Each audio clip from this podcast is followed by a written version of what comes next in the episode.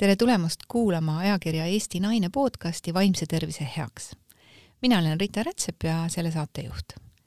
täna on mul külas gestalt psühhoterapeut ja raamatu Digilõks autor Kaire Talviste, tere Kaire! tere, Rita me räägime täna ekraaniajastu mõjudest ja kuidas nutimaailm mõjutab meie vaimset tervist ja hakkas silma just seesama raamat äh, Digilõks ja, ja sina kui psühholoog puutud ju kokku väga paljude inimestega, sa töötad ka lastega hästi palju. ja sa oled selles maailmas ennast äh, sisse söönud, kurssi viinud ja see lähenemine pakkus hästi palju huvi mulle. Äh, kuidas sa ise hindad, kas sa ütled, et me elame ekraaniajastul? ma olen üsna veendunud selles, et kui me oma kodus igaüks mõttes korra laseks silmest läbi, et kui palju ekraane meil kodus on, siis me saame keskmiselt ähm, kümme, üksteist, mõnes kodus rohkemgi, et see algas meil ju eelmise sajandi keskpaiku kuskil televiisoriga, mis oli nagu üks ekraan. ja äkki hakkas tulema ekraane juurde, tuli arvuti, siis tulid, eks ole, nutitelefonid, muud ekraanid, nutikellad, GPS-seadmed, videomängud, et neid ekraane on meil noh, nii palju, et me võime julgelt küll öelda, et me elame ekraaniajastul jah, et kui vanasti istuti lõkke ümber koos, räägiti juttu, vaadati üksteisele otsa, siis tuli televiisor, terve pere istus televiisori ümber ja uudistas seda, kõik oli väga põnev ja vahva.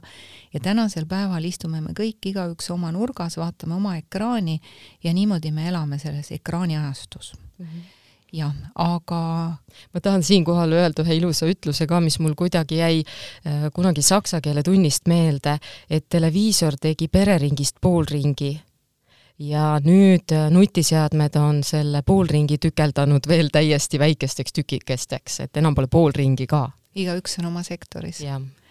just, et äh, kas me võime ka öelda, et see ekraaniajastu on mõjutanud otseselt meie vaimset tervist? Ehm, ma arvan, et see on hästi indiviidipõhine.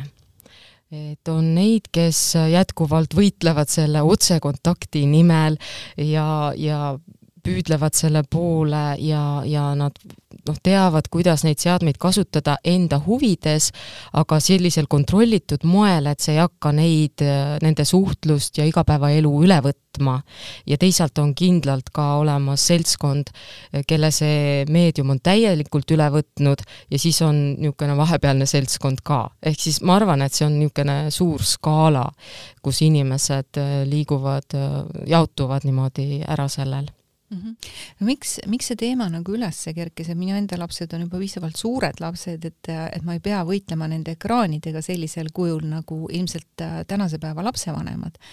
aga kuna ma töötan ka hästi palju ise lastega, siis äh, ma näen sellist asja või tekitasin sellise seose ja ma saan sinult küsida, et, et kas sul on sama kogemus või, või ma mõtlen üle äh,. näiteks selle aasta jooksul ma täheldasin, et absoluutselt kõik probleemid, millega pöörduti minu kui psühholoogi poole, olid seotud ekraaniga. see oli kas motivatsiooniprobleemid koolis või üleüldse tööl, keskendumisraskused, äh, suhtlemisprobleemid, depressioonid, stressid, ma jõudsin kogu aeg äh, jälle nutiseadmeni ja üldsegi mitte alguses mm. teadlikult, vaid, vaid järsku hakkas tekkima see seos. ja nüüd on, nüüd on juba esimene küsimus, nii, ja palju teil on ekraaniaega, mm. ennem kui ma hakkaks üldse midagi küsima, et see oli hirmutav kas sul on sama kogemus, et me oleme kuidagi nagu see, see on meist, meid üle võtnud või mis toimub?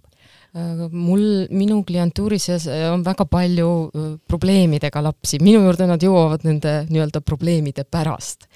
ja siis ma muidugi alustame probleemist, aga siis äkki ma näen, et see laps haigutab seal ja silm vajub peaaegu et kinni seal sohva peal ja siis äh, ma kindlasti küsin kohe, et mis kell sa magama läksid, enamasti ta vastab, et äh, hilja, ma küsin, et kui hilja, noh, kell kaks-kolm öösel, mõni pigem, läheb kell neli, jah, et, et see niisugune, see on minu üks tavalisi vastuseid juba, et lapsed lähevad äh, ikka pärast südaööd magama ja, ja ma näen seda tõsise probleemina, mis nii-öelda, mina näen seda niimoodi, et lapsel juba on seal peresüsteemis mingid tõsised probleemid ja siis see nutimaailm tuleb talle nagu appi, tema läheb sinna, kuidagi leiab sealt mingit stiimulit, heaolutunnet, võib-olla ka, et paneb klapid pähe, kui kõrval mingi möll käib, et ta isoleerib ennast sellest möllust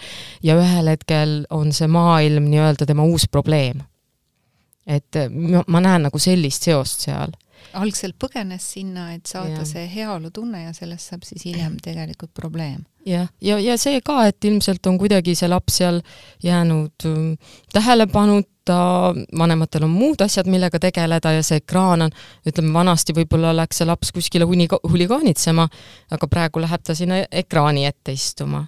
et see ekraan on nagu lihtsam võtta, ma ütleks mm. -hmm see teema on nii lai, et ma püüan ka kuidagi nagu mingit raami siin tekitada, et, et kindlasti meie kuulajad mõtlevad ka kaasa, et sellepärast, et sellest on nii palju räägitud, sellest on tohutult palju räägitud ja ikka me, ükskõik kus me ka ei oleks, ei, on see ühiskondlik transport, on see tänaval, inimesed kõnnivad juba üksteisele otsa, nad on ninapidi ekraanides, mis meiega juhtub mis meiega juhtub, et see ekraan meid niimoodi ära sööb?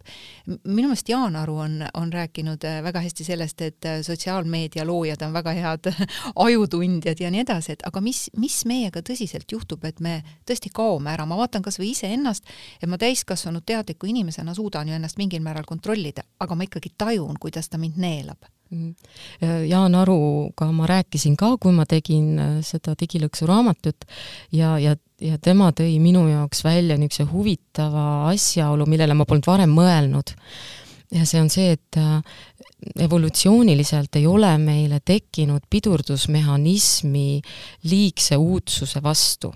et noh, ütleme, kui meil on näiteks magusa osas, et ma liiga palju ei saa süüa, mul tekib äh, see tülgastuse tunne või iiveldus noh, muidugi ma saan neid limiite kogu aeg nihutada, aga mingi hetk ikkagi ma tunnen, et oh, nüüd ma sain nagu täis, siis seda uudsuse janule piiri ees ei ole. ja, ja tegelikult see maailm sealt ekraanilt, mis tuleb, ta paiskab kogu aeg ajule seda stimulanti nagu ette, kas siis mingi vilkuva pildi näol või siis uudistevoost, kui me käime seal Facebookis või Instagramis, et see on nagu iga järgmine pilt lubab sulle nagu midagi uut ja sa ootad, et nüüd tuleb see uus ja sa isegi enam ei mõtle, kas sa said midagi uut või kas sa leidsid sealt seda, mis sa otsisid. see aju lihtsalt nagu võtab, lutsutab seda nagu kommi nii-öelda, et nii mõnus, midagi uut tuleb, uut tuleb, jälle, oi siin vilkus, siin siin piiksus ja see stimulatsioon on lõpuks nii tugev, et aju, aju nagu noh, ujub selle sees, aga puudub see koht, kus ma nagu hakkan küsima, et mida ma siin teen või miks ma siin olen ja ja kas mul seda üldse vaja on, sest see heaolutunne lihtsalt võtab meid üle mm. -hmm. ja imeb ennast nagu sinna lõksu täielikult.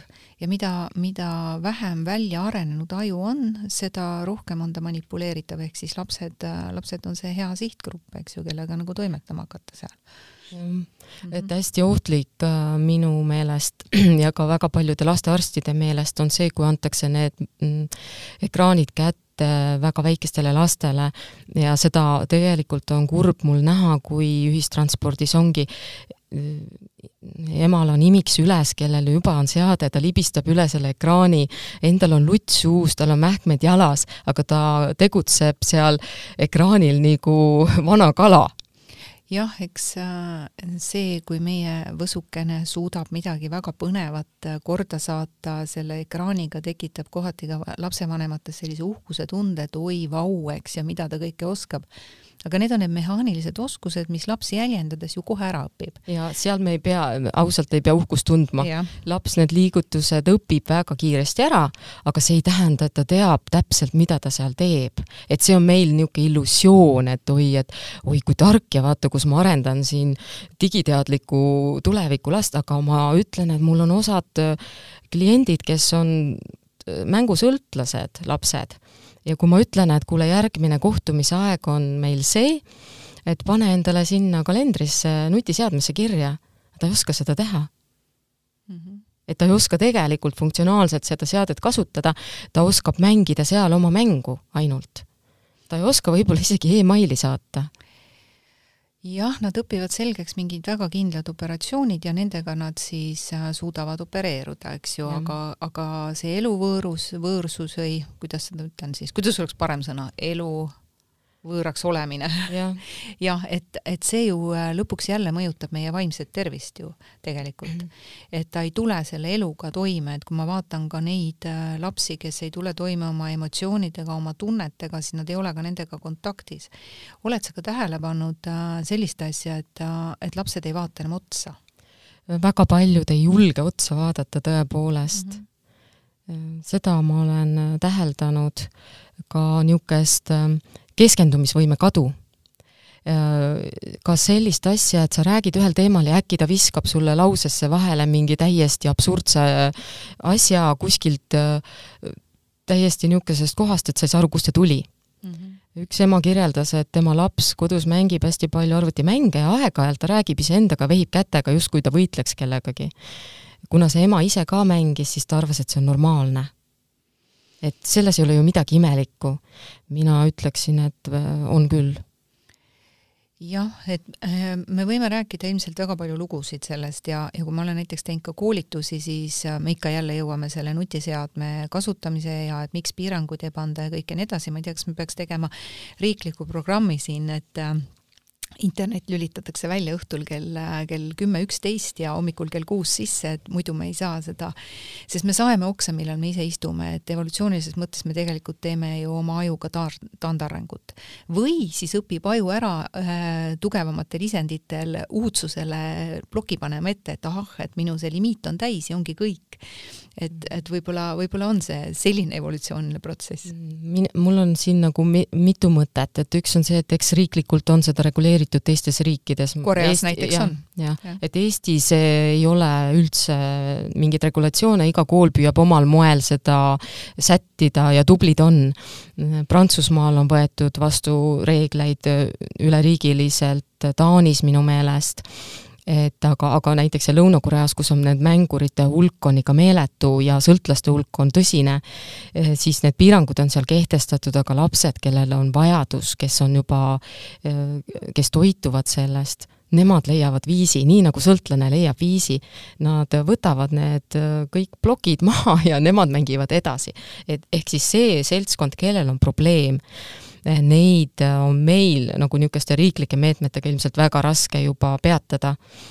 ja samas on, on tegelikult ka laste hulgas väga palju neid, kes hakkavad ise reguleerima seda, väga tublisid noori kes äh, märkavad, kuidas nad ei suuda ühte ülesannet lõpuni viia, sest kogu aeg tal see seade vilgub või keegi chatis kirjutab või Instagrami tahaks jälle vaadata, mis on lisandunud, et nad ise hakkavad välja lülitama, kõrvale panema, mõned võtavad isegi sõpradega kokku, et kuulge, teeme nii, et äh, mingi, ma ei tea, kaks nädalat oleme ainult nuputelefonidega et saaks keskenduda, et saaks lõpueksamid ära teha. Ja tublid lapsed, nad liiguvad elus edasi tegelikult mis näitab ka seda, et tege-, tegemist on meid segava probleemiga. et kui me võtame selle, et, et jah, neid lugusid võib tõesti siin, siin lõputult rääkida ja, ja selle kahjulikkusest ja, ja, ja kuskilt maalt ka kasulikkusest me võime rääkida erineva nurga alt, see on uus reaalsus konstateerime fakti, et see on uus reaalsus, kus me tänasel päeval nüüd kõik elame ja me peame sellega nüüd toime tulema. aga me mõlemad näeme ja, ja mitte ainult meie, vaid ka väga palju meie ümber olevaid inimesi näevad, et see mõjutab vaimset tervist. Äh, ilmselgelt äh, on ka lapsevanemaid, kes ei vii neid otsi kokku äh, kui ma mõtlesin selle meie kohtumise peale, siis mõtlesin, et just nimelt teadvustada inimestele, mis on need tegelikud ohud et võib-olla, võib-olla me teame üldiselt, oi jah, et noh, rikub silmi, eks äh,, ekraani äh,, sinine ekraani valgus, mingeid selliseid üldiseid asju me teame. aga mis tegelikult juhtub meie ajuga?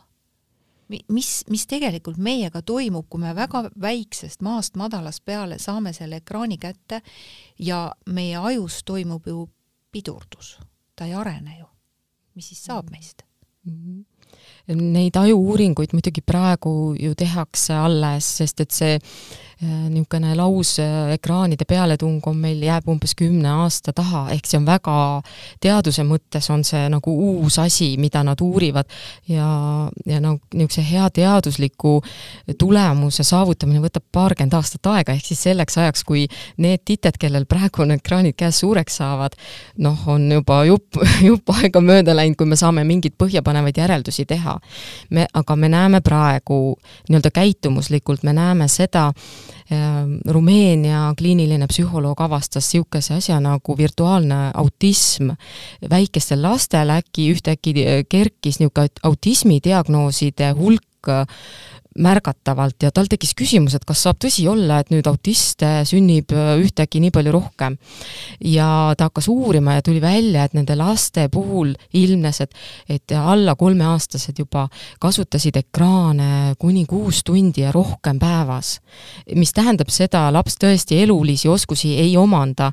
lapsed, nii väiksed lapsed õpivad kogemustest, puudutustest, kõikidest aistingutest, meeleelunditega, aga nad ei õpi nii-öelda sellelt ekraanilt, nad ei vii kokku seda, nende aju ei vii kokku seda, et ekraanil nähtu on nagu päriselu äh, olukord, et, et kui näiteks ekraanil paneb, eks ole, põrsas Pepa endale jope selga, paneb käe varrukast sisse, siis laps ei saa aru, et aa, niimoodi käib jope selga. tema ei suuda seda silda sinna teha oma aju arengust tulenevalt.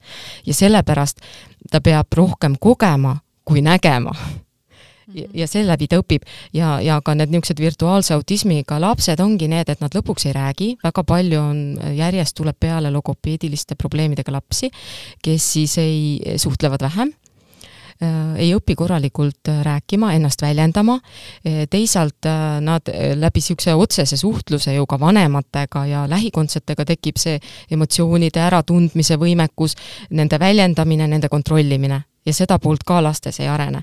ja siis on, on niisuguse virtuaalse autismi puhul nähtud, et tekib seltskond lapsi, kes on passiivsed, kes ei räägi, kes ei reageeri näiteks oma nimelegi, eh, kelle käest küsida, et mis on pildil, ta kordab kajana, mis on pildil, aga ta ei vasta sulle. kui sa ütled, et palun anna see klots mulle, ta ei saa aru, mis sa palud ta käest.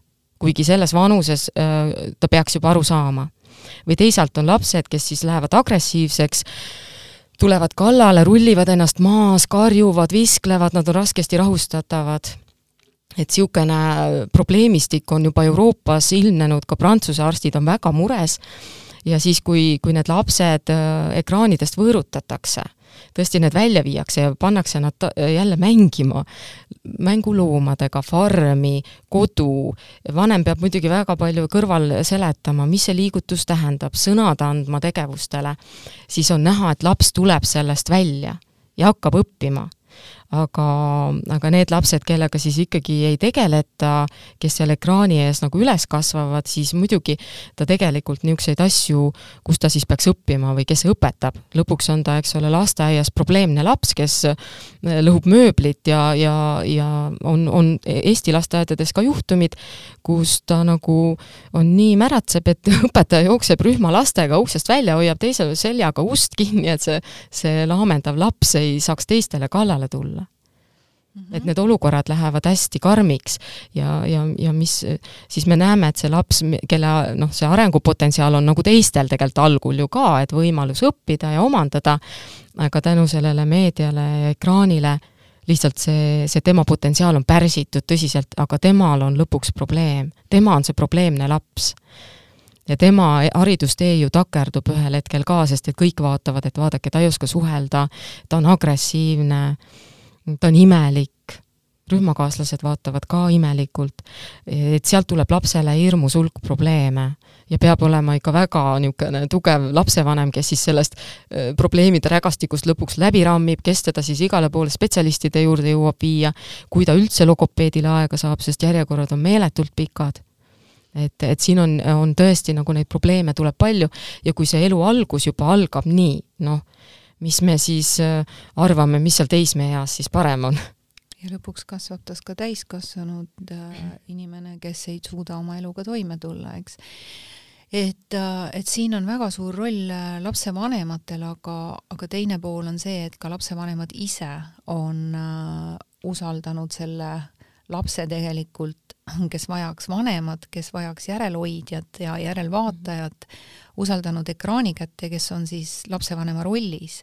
Ja laps, kes vajab vanemat, klammerdub ekraani külge, kes siis ongi tema jaoks lapsevanem, eks. Ja, jah, mul praegu tuli see, kui sa ütlesid jah, et kasvab nagu teismeliseks, siis äh, mul, ma ütlengi nendele vanematele, kes tulevad oma teismelistega või noh, nagu eelteismelised, istuvad seal ja, ja siis see laps niimoodi vaikselt juba vajub unne seal vanema kõrval ja vanem on väga pahane ja ütleb, et kodune suhtlus on ainult üks, üksteise sõimamine ja käed käivad ja ja, ja siis see lapsukene istub seal niimoodi rahulikult ja ütleb, et ma küsin, et kelleks sa tahad tulevikus saada.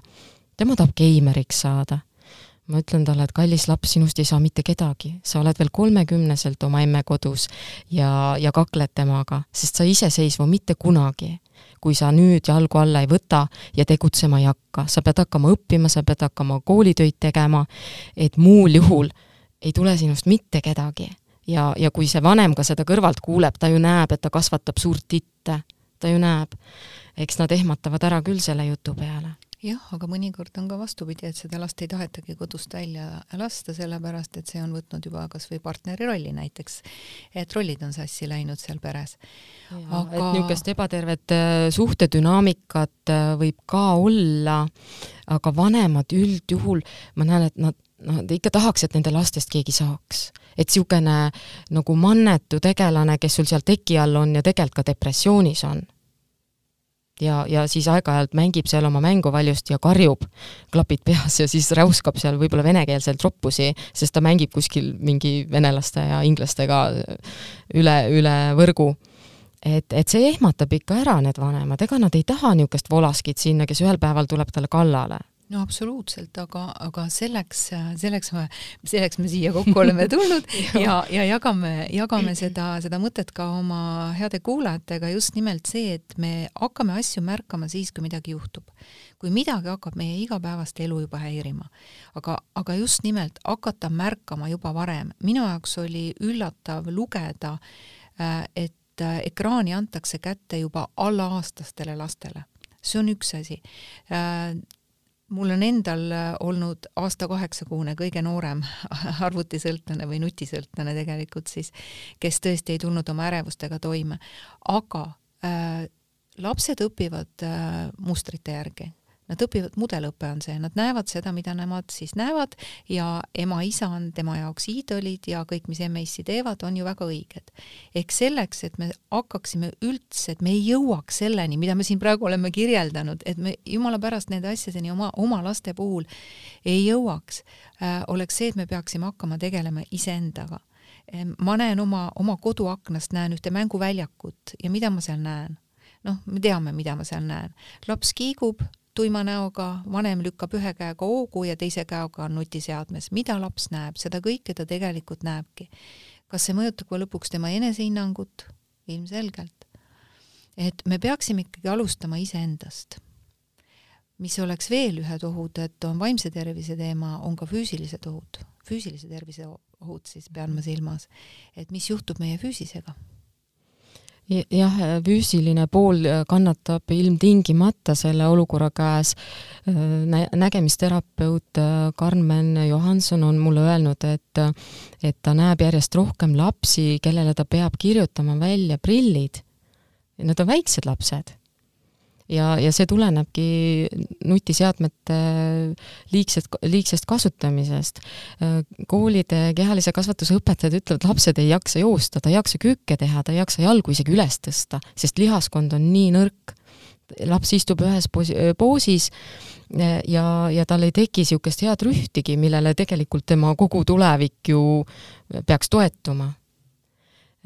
siis on järgmine probleem, et süüakse ekraani ees ma ei pane tähelegi, mis ma suust sisse ajan, palju ma söön, kas mul kõht sai täis. ma ei märka oma keha reaktsiooni, millal keha ütleb, et nüüd aitab, kõht on täis, teeme midagi muud. et niisugune ekraani ees söömine on samamoodi nagu leitud, et seal on seosed järjest suurema ülekaalulisusega laste puhul ja emotsionaalne söömine ka sinna juurde, ja mm, -hmm. ja, ja lisaks see, et vahepeal kuskilt näed jälle toidu, toidureklaame ja pilte, siis see nagu ahvatleb sind veel rohkem niisugusele äh, tarbimisele. Et, et need on tõsised ohud ja, ja sealjuures ju ka, mis meie füüsilist tervist ju mõjutab, on see, et me ei maga ei ole seda ööund enam, mis on ette nähtud lapsele ka puhkamiseks, aju taastumiseks, mälu funktsioonide nii-öelda korrastamiseks. see, see on ära lõigatud paljudel. meil on oht meie vaimsele tervisele, meil on oht meie füüsilisele tervisele ehk kogu meie arengule. paraku ei, ei tahaks küll öelda, et see nii on, aga et tahaks öelda, et oi kui tore, et meil need ekraanid on, selles mõttes see on tore, et, et nad aitavad meid ju väga paljudes asjades. et nad teevad meie elu mugavamaks, lihtsamaks, kui me isegi saame oma digidokumente allkirjastada. praegu me saame teha e-õpet, noh, igasuguseid asju on, on see meedium meie jaoks teinud kättesaadavamaks, aga me peame jälgima kogu aeg seda, et, et see, et see kasutegur meie jaoks oleks ikkagi olemas, mitte see kahjutegur ja, ja, ja siis äh, teadlikumalt kasutama, et mit-, noh, ma ei taha öelda seda, et ärge üldse kasutage, sest see ei ole enam realistlik. maailm on juba sinna läinud ja need sead elus kui palju. kui me vaatame, kuidas tehnoloogia areng on meditsiini muutnud ja, ja kui palju me, me saame nendest teadmistest tuge ja, ja, ja abi, et me ei tohi seda öelda, et tehnoloogia areng on halb, aga me peame mõtlema, et et kuidas me seda ikkagi hoiame nii-öelda kasu plussi poole peal, mitte siis ei tarbi seda nagu mõttetult või, või, või sellisel kujul, et, et noh, nagu tä-, paraku laste jaoks on ikkagi see ekraan on puhas meelelahutus et nad ei tööta seal, nad on ikkagi meelelahutusasutus neile. kakskümmend neli seitse peab meelelahutus jooksma ja kui lapse, laps on sellega harjunud, eh, siis igasugune hetk, mis äh, kus tempo läheb alla või tekib igavus, on talle juba vastuvõetamatu. no mõtlemine, mõtlemine on nii aeglane, et nad ei suuda enam mõelda. ta peab, keskendumine on raske. Sa, sa ei suuda ja, ja lapsed on isegi õpetajatele koolis öelnud, et räägi kiiremini. -hmm. sa oled liiga aeglane, sest nad ei jaksa kuulata, kui on aeglane jutt. jah, tempo on suur, et, et, et selles mõttes loomulikult on kasu on palju kõige, kõigest sellest ekraaniajastust äh, absoluutselt ja, ja, ja samamoodi on ka kahju, et see tähendab seda, et tasakaal on paigast ära läinud. Et, äh, et isegi kui head asja liiga palju, kui komme liiga palju süüa, siis läheb süda pahaks, eks. et, äh, et, et see tasakaal oleks hästi oluline ja, ja siin selleks, et see väike inimene saaks tulevikus töötada just nende samade tarkade masinatega ja luua veel ägedamaid kas siis meditsiinitehnikat või, või, või mis iganes tehnikat, ja, ja, ja kõike seda arendada, äh, tuleks äh, teda teatud maani viia. Ehk kui me anname talle varakult selle kätte, siis tema aju ei arene, et ta tulevikus saaks seda tehnikat hakata ise täiustama. Ta lihtsalt tarbib ja tema aju äh, jääb siis nii-öelda sinna lapse tasandile. On nii? jaa, et, et me peame mõtlema, kui me anname lapsele selle seadme, et mis me, mis me arvame, mida ta sealt õpib ja, ja on öeldud, et, et muidugi, et kui sa ise oled seal vanemana kõrval, noh, väikese lapsega, no soovitatakse, et tegelikult alla kolmeaastasele ei antaks ekraane. mitte, eks? jah mm -hmm., silma arengu pärast, rühi pärast, liikuvuse pärast ja see, et tema põhiõpe käib läbi katsumise, puudutuse ja, ja, ja, ja, ja liikumise. et ähm, aga kui hiljem nagu on soov seda lapsele tutvustada, siis ole ise kõrval, näita pane teda küsimusi esitama, arutlema, miks nii on, anna sõnad asjadele, siis me võime seda ekraani kasutada õppimise vahendina. et ta oleks teadlik tarbija, mitte lihtsalt tarbija? jah, või me ise teame, et okei okay,, et kui ma annan talle, mis, mida ma õpetan talle, mis see, mis see eesmärk meil on siin õppimisel praegu, mida me õpime? aga see, kui ta lihtsalt seal istub ja libistab endale aknaid lahti või, või paneb sealt risti koha pealt äh, kinni, Äh, see tegelikult ka väikelapse seisukohalt ei ole meeletu intellekti väljendus tegelikult. aga vanematele, noh, seda nii meeldiv vaadata, et oi, näed juba, kus oskab ja pult peos ja näed, teleka paneb tööle ise, ma ei leia neid kanaleid üles, aga juba vaat see laps roomab alles, aga juba teab, mis te teha, et me, me satume sellest vaimustusse hästi kergesti, et näed, kus oskab juba.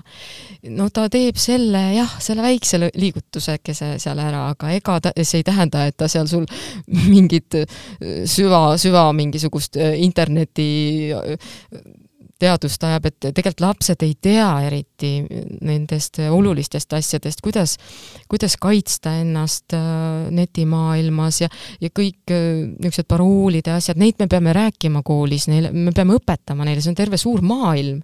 Nad ei saa, me arvame, et nad sünnivad teadmistega selle kohta, et niisugune nutipõlvkond. ei ole, tegelikult ei ole, nad ei tea ka.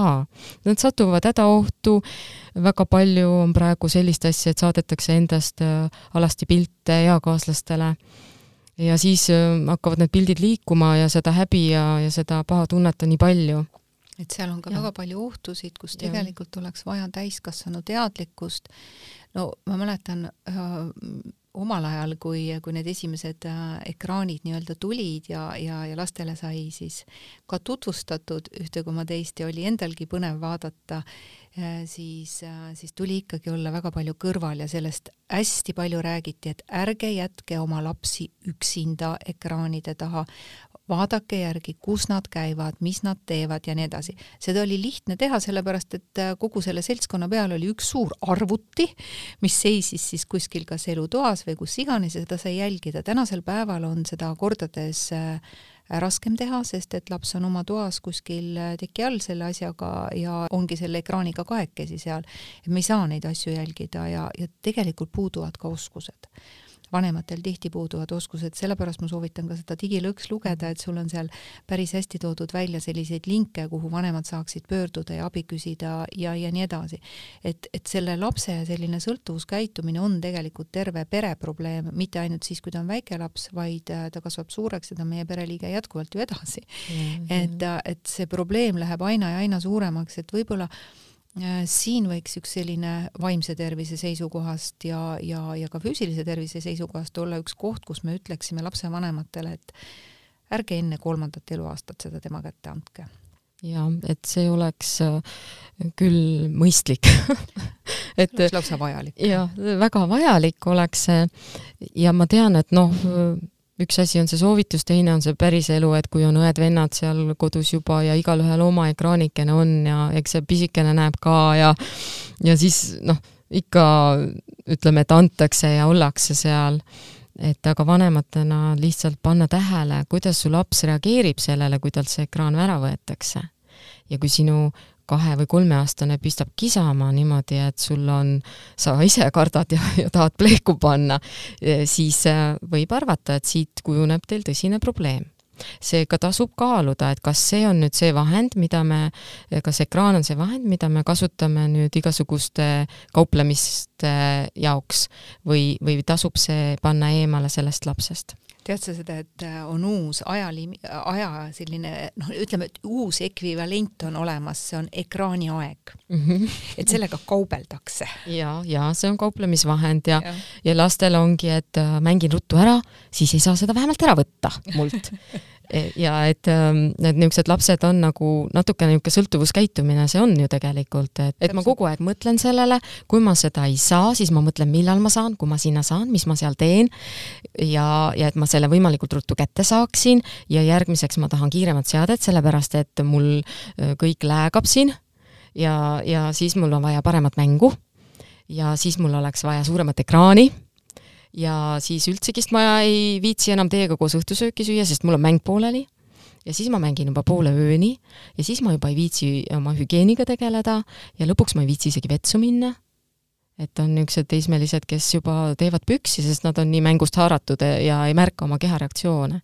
et ähm, et see niimoodi see vaikselt läheb, aga see algab sellega, et kui sul on majas niisugune väike terrorist, kes pistab karjuma ja tema tahab oma iPadi saada ja vanematel lihtsam anda, kui sellega võidelda, aga tegelikult see toidab tulevi-, tulevast probleemi.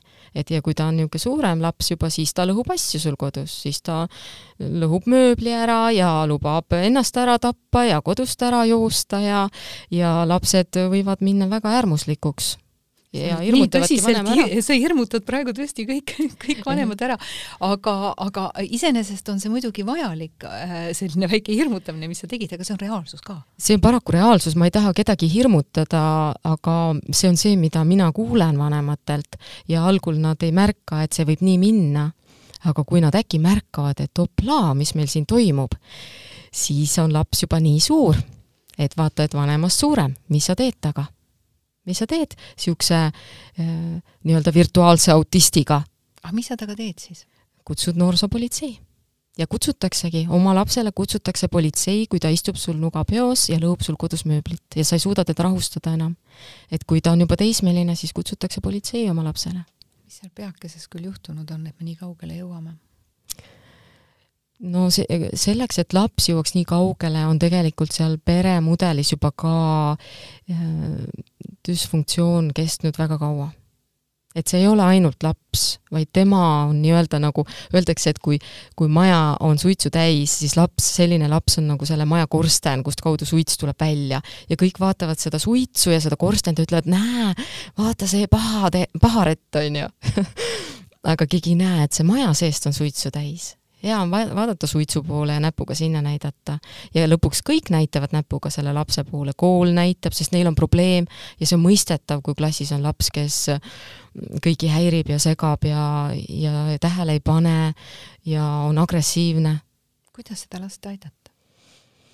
no süsteemne lähenemine, üks inimene kindlasti ei saa aidata, et äh, alustada rääkimisega, huviga, olla olemas, kaasata vanemaid, siis nad algul ütlevad, et ei, see on lapse probleem, mina ei tule, siis vaatab, et oi, lapsel hakkab juba natuke nagu paremini minema, äkki räägiks ka, siis vanem võib-olla tuleb pardale, aga need muutused on niisugused aeglased.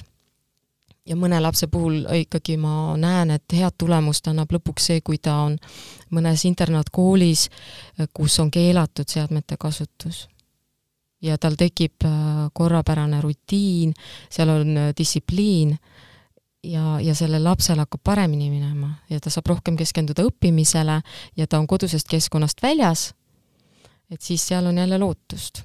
et laps ei taha muidugi minna ära, aga aga natukese aja pärast vaatame, et näed, et juba lähevad asjad ülesmäge tal aga kõik ei ole niisugused ilusad muinaslood eks, et see on niimoodi, et et ühe lugu on ühtmoodi, teise lugu on teistmoodi, aga et me peame nagu olema, ma arvan, täiskasvanutena nii-öelda nendele lastele ikkagi jätkuvalt avatud, aga mitte naiivsed.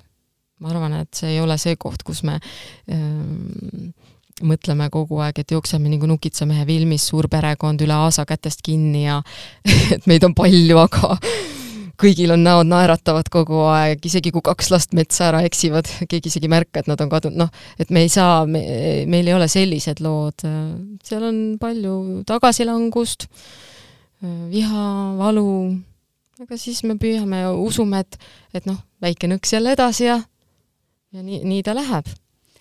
Jah, et ühest küljest, kui me võtame, et on pere, peredünaamika ehk peresisesed probleemid, et kus igaüks siis äh, põgenebki sinna nutiseadmesse ja, ja otsesuhtlust nagu ei toimugi, see, see võib olla see pingeallikas, aga, aga mõnikord ei ole seal ka pingeid, vaid on kõik, ongi nagu väga-väga tore ja väga vahva, aga ei märgata.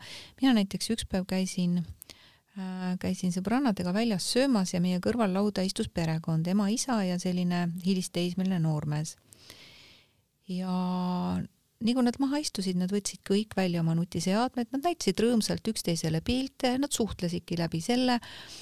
Ja, ja siis nad unustasid muidugi söögi tellida, siis ettekandja oli nendega väga hädas seal. Ja, ja lõpuks juhtus ka see, et ettekandja seisis äh, selle toiduga ja isa oli nii äh, pühendunud oma nutiseadmesse, et väga kuri tütarlaps küsis, kas te süüa tahate? Mm. -hmm et, et seal oli, oli ilmselt suhtlust olemas, aga see suhtlus käib, käis läbi äh, abivahendi ehk läbi ekraani et näidati üksteisele seda, seda, seda toredat, mis sealt nagu tuli ja, ja ma kujutan ette, et, et siis nad saidki öelda, et me käisime perega väljas söömas. ja meil oli pere, pereühine aeg, et kõik oli nagu tore ja vahva, eks ju.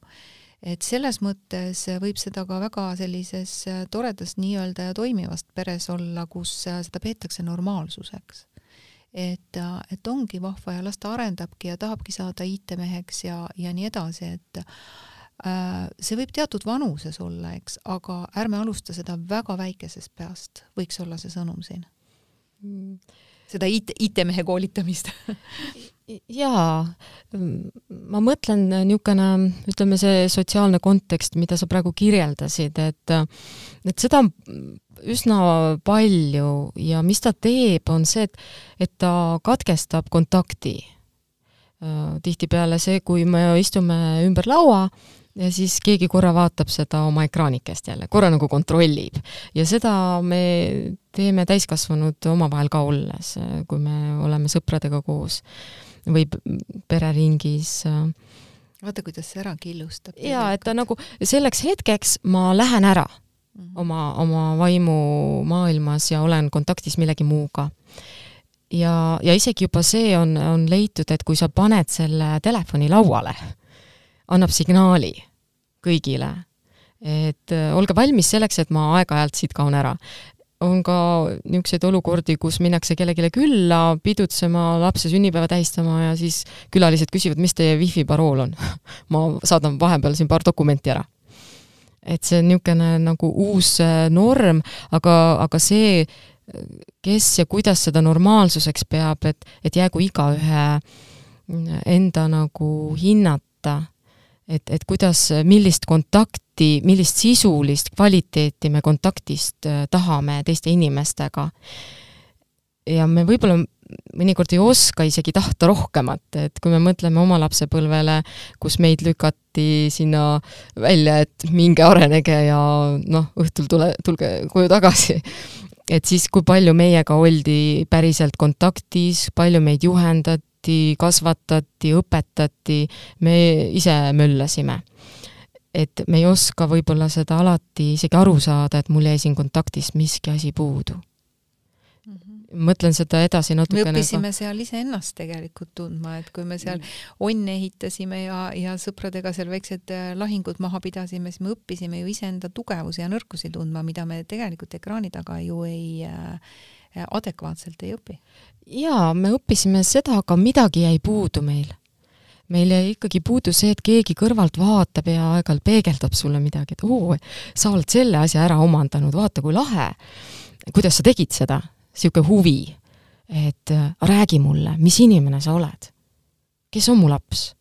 mis on sinu mõttemaailm, mis on sinu filosoofia, mis küsimused sul tekkisid, või jagada omalt poolt, et aa, tead, kui mina olin sinu vanune, mul oli nii, huvitav, kuidas sina seda olukorda lahendad, mis, mis te, mis äh, mõtted päeva jooksul tekivad, niisugune nagu huvitatus äh, inimesest.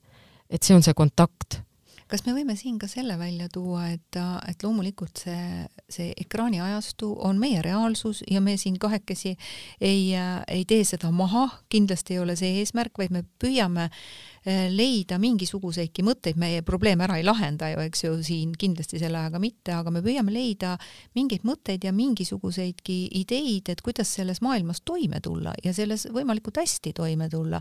et kas siin võiks olla sinu, sinu see mõte, mis sa praegu õhku viskasid, et tunda huvi selle vastu, mis laps seal ekraani taga teeb, kas või sellega, et, et vahetevahel temaga koos mõni mäng mängida, äh, võib-olla tunda huvi selle, selle asja ehitamise vastu, mida ta seal ehist, ehitab või konstrueerib või, või mismoodi ja läbi selle suunata teda seal targalt talitama et, et mitte, mitte päris raha eest seal mingeid asju osta, eks ju, oma, oma virtuaaltegelastele ja kui osta, siis missuguste piirangutega ja nii edasi, et, et selle läbi me ju õpetame teda reaalses maailmas ka toime tulema et siin võiks olla ikkagi jälle see, et, et kõik see ekraaniga toimib, on ikkagi või toimuv on ikkagi kogu pere teema. et me ei anna seda äh, nutiseadet kätte lihtsalt lapsele, et noh, saa nüüd hakkama, et see on sama, et lükkan nüüd õue ja saa nüüd hakkama -hmm.. noh, mingite asjadega me kindlasti saame hakkama, kindlasti mingitega mitte, kui me sinna, kui meid sinna õue lükati. täpselt samamoodi on õue lükkamine sinna ekraani taha lükkamine. et, et võib-olla, võib-olla nagu kui me lükkame sinna, mida sa ka siin eespool korra mainisid, et, et siis me ka juhendame ja ei hirmuta teda, vaid juhendame ja teeme sellest ekraanist sinu koostööpartneri ja, ja õpetame sind sellega toime tulema ja, ja keerama selle enda kasuks. ja, ja ma soovitan küll, et kui juba on need probleemid, et seal niimoodi vägikaigast vedada ei ole väga nutikas, sest et mida suurem on vanema niisugune nagu surve, seda suurem on vastupanu teiselt poolt. füüsikaseadus. just nimelt, et võibki, kui juba on, näed, et tõesti murekoht, et siis pigem vaikselt libista ennast sinna kõrvale ja küsi, mis sa teed. isegi mitte siis, kui on murekoht juba äh,, murekoht ka, eks ju, jah, et, et see aga ei no, ole ilmselt, et... kes praegu kuulab, see hakkab vaatama oi-oi-oi, meil on äkki ka, et mis ma nüüd teen, et juba hakkab mure tekkima, siis rahulikult hingad sügavalt sisse-välja, no okei okay,, on, näed midagi, mis häirib silma, ära paanikasse mine, ära nüüd kohe ärevaks mine. ära kohe piiranguid ja, peale laduma hakka, rahu, rahu on ju, ära hakka siin sõda ära, ära algata, et, et uudista, jah, ole niisugune uudishimulik vaatleja, et mis mängud ja kes sa seal oled ja mis sinu need niisugused omadused on selles mängus, mis on sinu jõuallikas, mis kavalusi sa kasutad, mis on sinu tugevused, oi, mis keeles sa suhtled, sa suhtled inglise keeles või ma ei teadnudki, et sa nii hästi inglise keeles oskad kirjutada. muide, algklassi lapsed juba tegelikult mängudes, et see on nagu pigem see keeleõppe pool tuleb ju sealt täiesti eh, positiivse osana esile et ja uudistada ja, ja, ja ütle, öelda ka, et näita, kuidas mängi ja proovi mängida. Ja, ja siis ilmselt sa oled väga koba, lapsele hästi sobib see, kui, kui vanem ka milleski koba on, et siis tema saab nii-öelda näidata, mis tema oskab. Ja ja läbi selle tegelikult taastada see kontakt võib-olla teie kahe vahel, mis on kuidagi saanud kas ära vajunud või, või kahjustada saanud mingis ajas, et vaikselt niimoodi äh, huviga läheneda, mitte raginal hakata siin noh, nagu tampima midagi mm. -hmm. et, et see väikeste laste puhul me saame seda juba algusest peale teadliku vanemana hakata tekitama ja tõesti, kui me märkame probleeme, siis me saame, saame sinna külje alla ujuda ja hakata, hakata seda, seda huvi tundme, tundes nagu seda silda uuesti ehitama meie omavahel, eks. mul on üks äh, nipp veel vanematele, et äh, tegelikult lastel ei ole midagi ahvatlevamat kui kontakt vanemaga vanema tähelepanu, äh, uudishimu, Äh, see, et oo oh,, et sa said hakkama, niisugune tunnustus, aga mitte lihtsalt äh, niisugune lahja kiitmine, et oi küll, sa oled tubli laps, see ei ütle talle midagi, aga sa pead kirjeldama selle, seda, mis tal oli tubli. mis sulle meeldis. jah, et, et mhm. mida sa näed selle tugevusena lapses. ja siis ähm, üks nipp on siis see, et äh, tee ennast saadavaks, tee ennast kättesaadavaks, sest tänapäeva vanemad on väga hõivatud ka ekraanidega ja, ja tööasjadega, need ju tulevad meile koju kaasa nende laptopidega.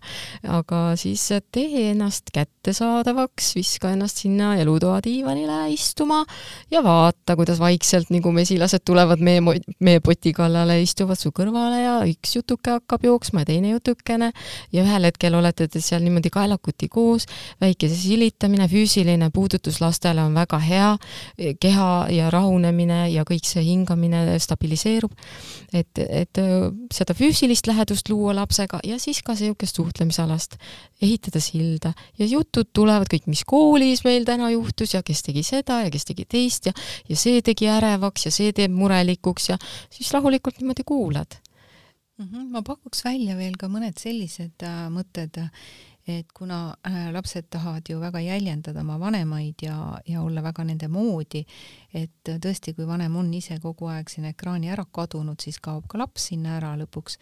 ja, ja me olemegi igaüks oma sektoris nii-öelda, aga, aga kui, kui vanem võtab ka selle otsuse vastu, et nii, teate, et nüüd teeme niimoodi, et mina panen ka selle ära ja, ja nüüd me teeme koos midagi, et see võiks olla üks äh, väljakutse vanematele.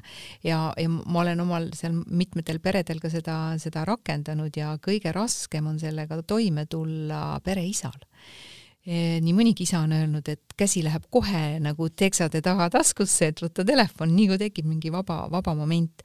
aga läbi selle ka õpetada lastele seda enesedistsipliini ja, ja, ja kõike seda, et ja sealt tuleb ka ju see lähedus ja, ja, ja kõik muu selline asi, sest tõepoolest see on, aeg on kõige, vanema kvaliteetaeg on see kõige magusam raha, mis, mis lapsele tegelikult tegelikult meeldib. ja kui me selle piiri üle laseme, siis on see, nii kurb on seda vaadata, just nimelt seda last, kes on jäänud ilma selle tähelepanuta jaa, ma olen hästi nõus sellega, et eks meil täiskasvanutel on see suur väljakutse iseennast distsiplineerida. meil mm, telefon, osadel telefonidel on võimalik ju ka seda äppi kasutada, et sa vaatad päeva lõpuks, mitu korda sa oma telefoni kätte võtsid keskmiselt kakssada, kolmsada korda, kujutate ette endale seda ei märkagi seda. märkamatut ja. liigutust iga hetk kontrollida, kas meil tuli sisse, kas uudistevoos on midagi, et see tegelikult kütab ka meie enda ärevuse taset kogu aeg kõrgemale või niisugust rööp, rööprähklemisest tulenevat niisugust vibratsiooni, et ma pean kogu aeg olema saadaval, ma pean kohe vastama ja nüüd tuli uus kiri peale ja nüüd ma mõtlen juba seda mõtet edasi. me lähme ise nagu noh, iseenda sees kaotsi. et see tegelikult mõjutab meid hästi palju ka, meil, meil endil on vaja täiskasvanutel võtta see paus välja õhtul ka tööst ja, ja pannagi telefon hääletuks kindlasti söögiajaks. Mitte võtta söögilaua äärde kaasa, kui pere koguneb sinna, me arutame siis päeva asju, me vaatame üksteisele otsa, et me ei, me ei võta sinna ühtegi ekraani kaasa, võiks olla näiteks üks reegel peres. alustada sellest. või ka sellest, et, et magamistuppa ei võta telefoni kaasa no, no siin on jälle pahasti, et kõigil on seal äratuskell peal. just, tahtsingi siit edasi minna, et, et aga kuna seal on äratuskell, siis alati saab välja lülitada wifi, 4G, panna lennukirežiimile ja ma ei ole seda telefoni tegelikult siis kaasa võtnud, siis ta on ju välja lülitatud. või osta endale tavaline äratuskell, neid muide isegi on müügil veel. ja, ja, ja võib-olla, võib-olla vanemad äh, ise peaksid äh, jah, see on mugavustsoonist väljatulek ja me ei taha seda teha, aga kui me võtaksime kätte ja mõtleksime oma laste peale ja nende aju arengu peale, nende füüsilise arengu peale, et, et see teadlikkus võiks ikkagi siit nagu kõlama jääda lapsevanematele, et, et see on meie vastutus. et, temast tuleks äh, nii tugevate tiibadega linnukpoeg, kes suudab ise lennata ja olla kõige selle juures õnnelik mitte et need ekraaniajastu teeks meid just kurvaks, vaid vastupidi, ta võiks teha meid rõõmsaks. ja kui meie suudame seda asja ise hallata, olla ise peremehed, siis me oleme ju teadlikud iseendast, tugevustest ja kõikidest muudest, ka nõrkustest. et, et kui me kõike seda saaksime teha, et kuidas see küll võimalik oleks? mina mõtlen praegu sedapidi, et vanem ise võiks väärtustada oma elukogemust esmalt võiks mõelda, et mina olen nii väärtuslik enda jaoks küll, et mul võiks olla see hetk pausi, kus ükski väline segaja ei, ei sõida mulle minu aiu sisse. ja õpetada seda ka lastele jah, et sa esmalt, sa pead ju olema endaga kontaktis, sa ei saa sinna lapse juurde minna, kui su pea on täis äh, kümmet eri teemat, mis seal üksteisega konkureerivad. mida ta paraku on, et, et selge on see, et selle, selle ajaga me siin seda suurt maailma probleemi ära ei lahenda. Ja aga me saame anda äh, natukenegi võib-olla impulssi, et äh, et kas või lugeda sedasama raamatut Digilõks või äh, Ekraaniaju on, on väga hea raamat. Äh,, kas või lugeda neid, lugeda internetist neid seoseid, mis juhtub ajuga, mis juhtub füüsisega ja nii edasi, et, et harime ennast. Ja läbi selle me tegelikult äh, toetame oma laste arengut iseenda oma ka ja, ja enda elu ka, kui me mõtleme ühel päeval tagasi, kui me mõtleme tänasest näiteks kümme aastat edasi, et kujutame ette, et täna on siis aasta, mis see siis on? kakskümmend üks. jah, kaks tuhat kolmkümmend üks aasta ja ma mõtlen tagasi, mis jäi selle kümne aasta sisse. ja mõtlen, et mul ei tule midagi meelde, sest ma olin kogu aeg ära.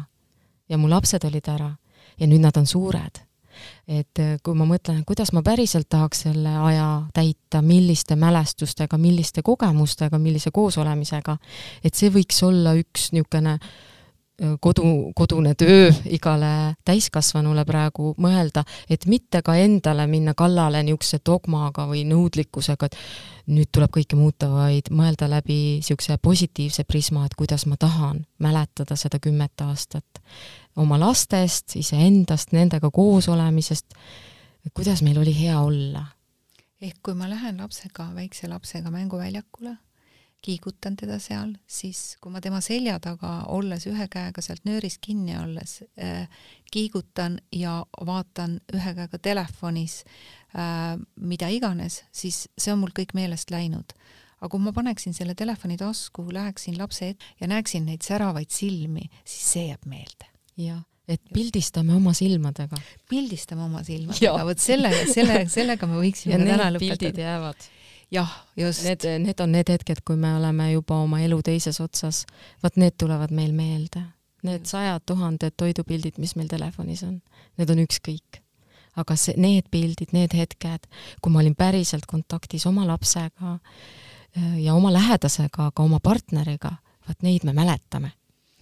ma lõpetaksin sellega, et äh, hakkame elama päriselu, mitte ekraanielu aitäh aitäh, Kaire, et sa tulid ja, ja niimoodi kaasa meiega siin mõtlesid ja arutasid ja ja, ja teadmisi jagasid. ma väga loodan, et meie, meie kuulajad said ka kaasa mõelda ja võib-olla, võib-olla ka mõne mõtte, kust nüüd kinni haarata, et hakata elama seda päriselu, kuhu kuuluvad ka ekraanid, aga päriselu on see tõeliselt maguselu. aitäh kõigile! thank you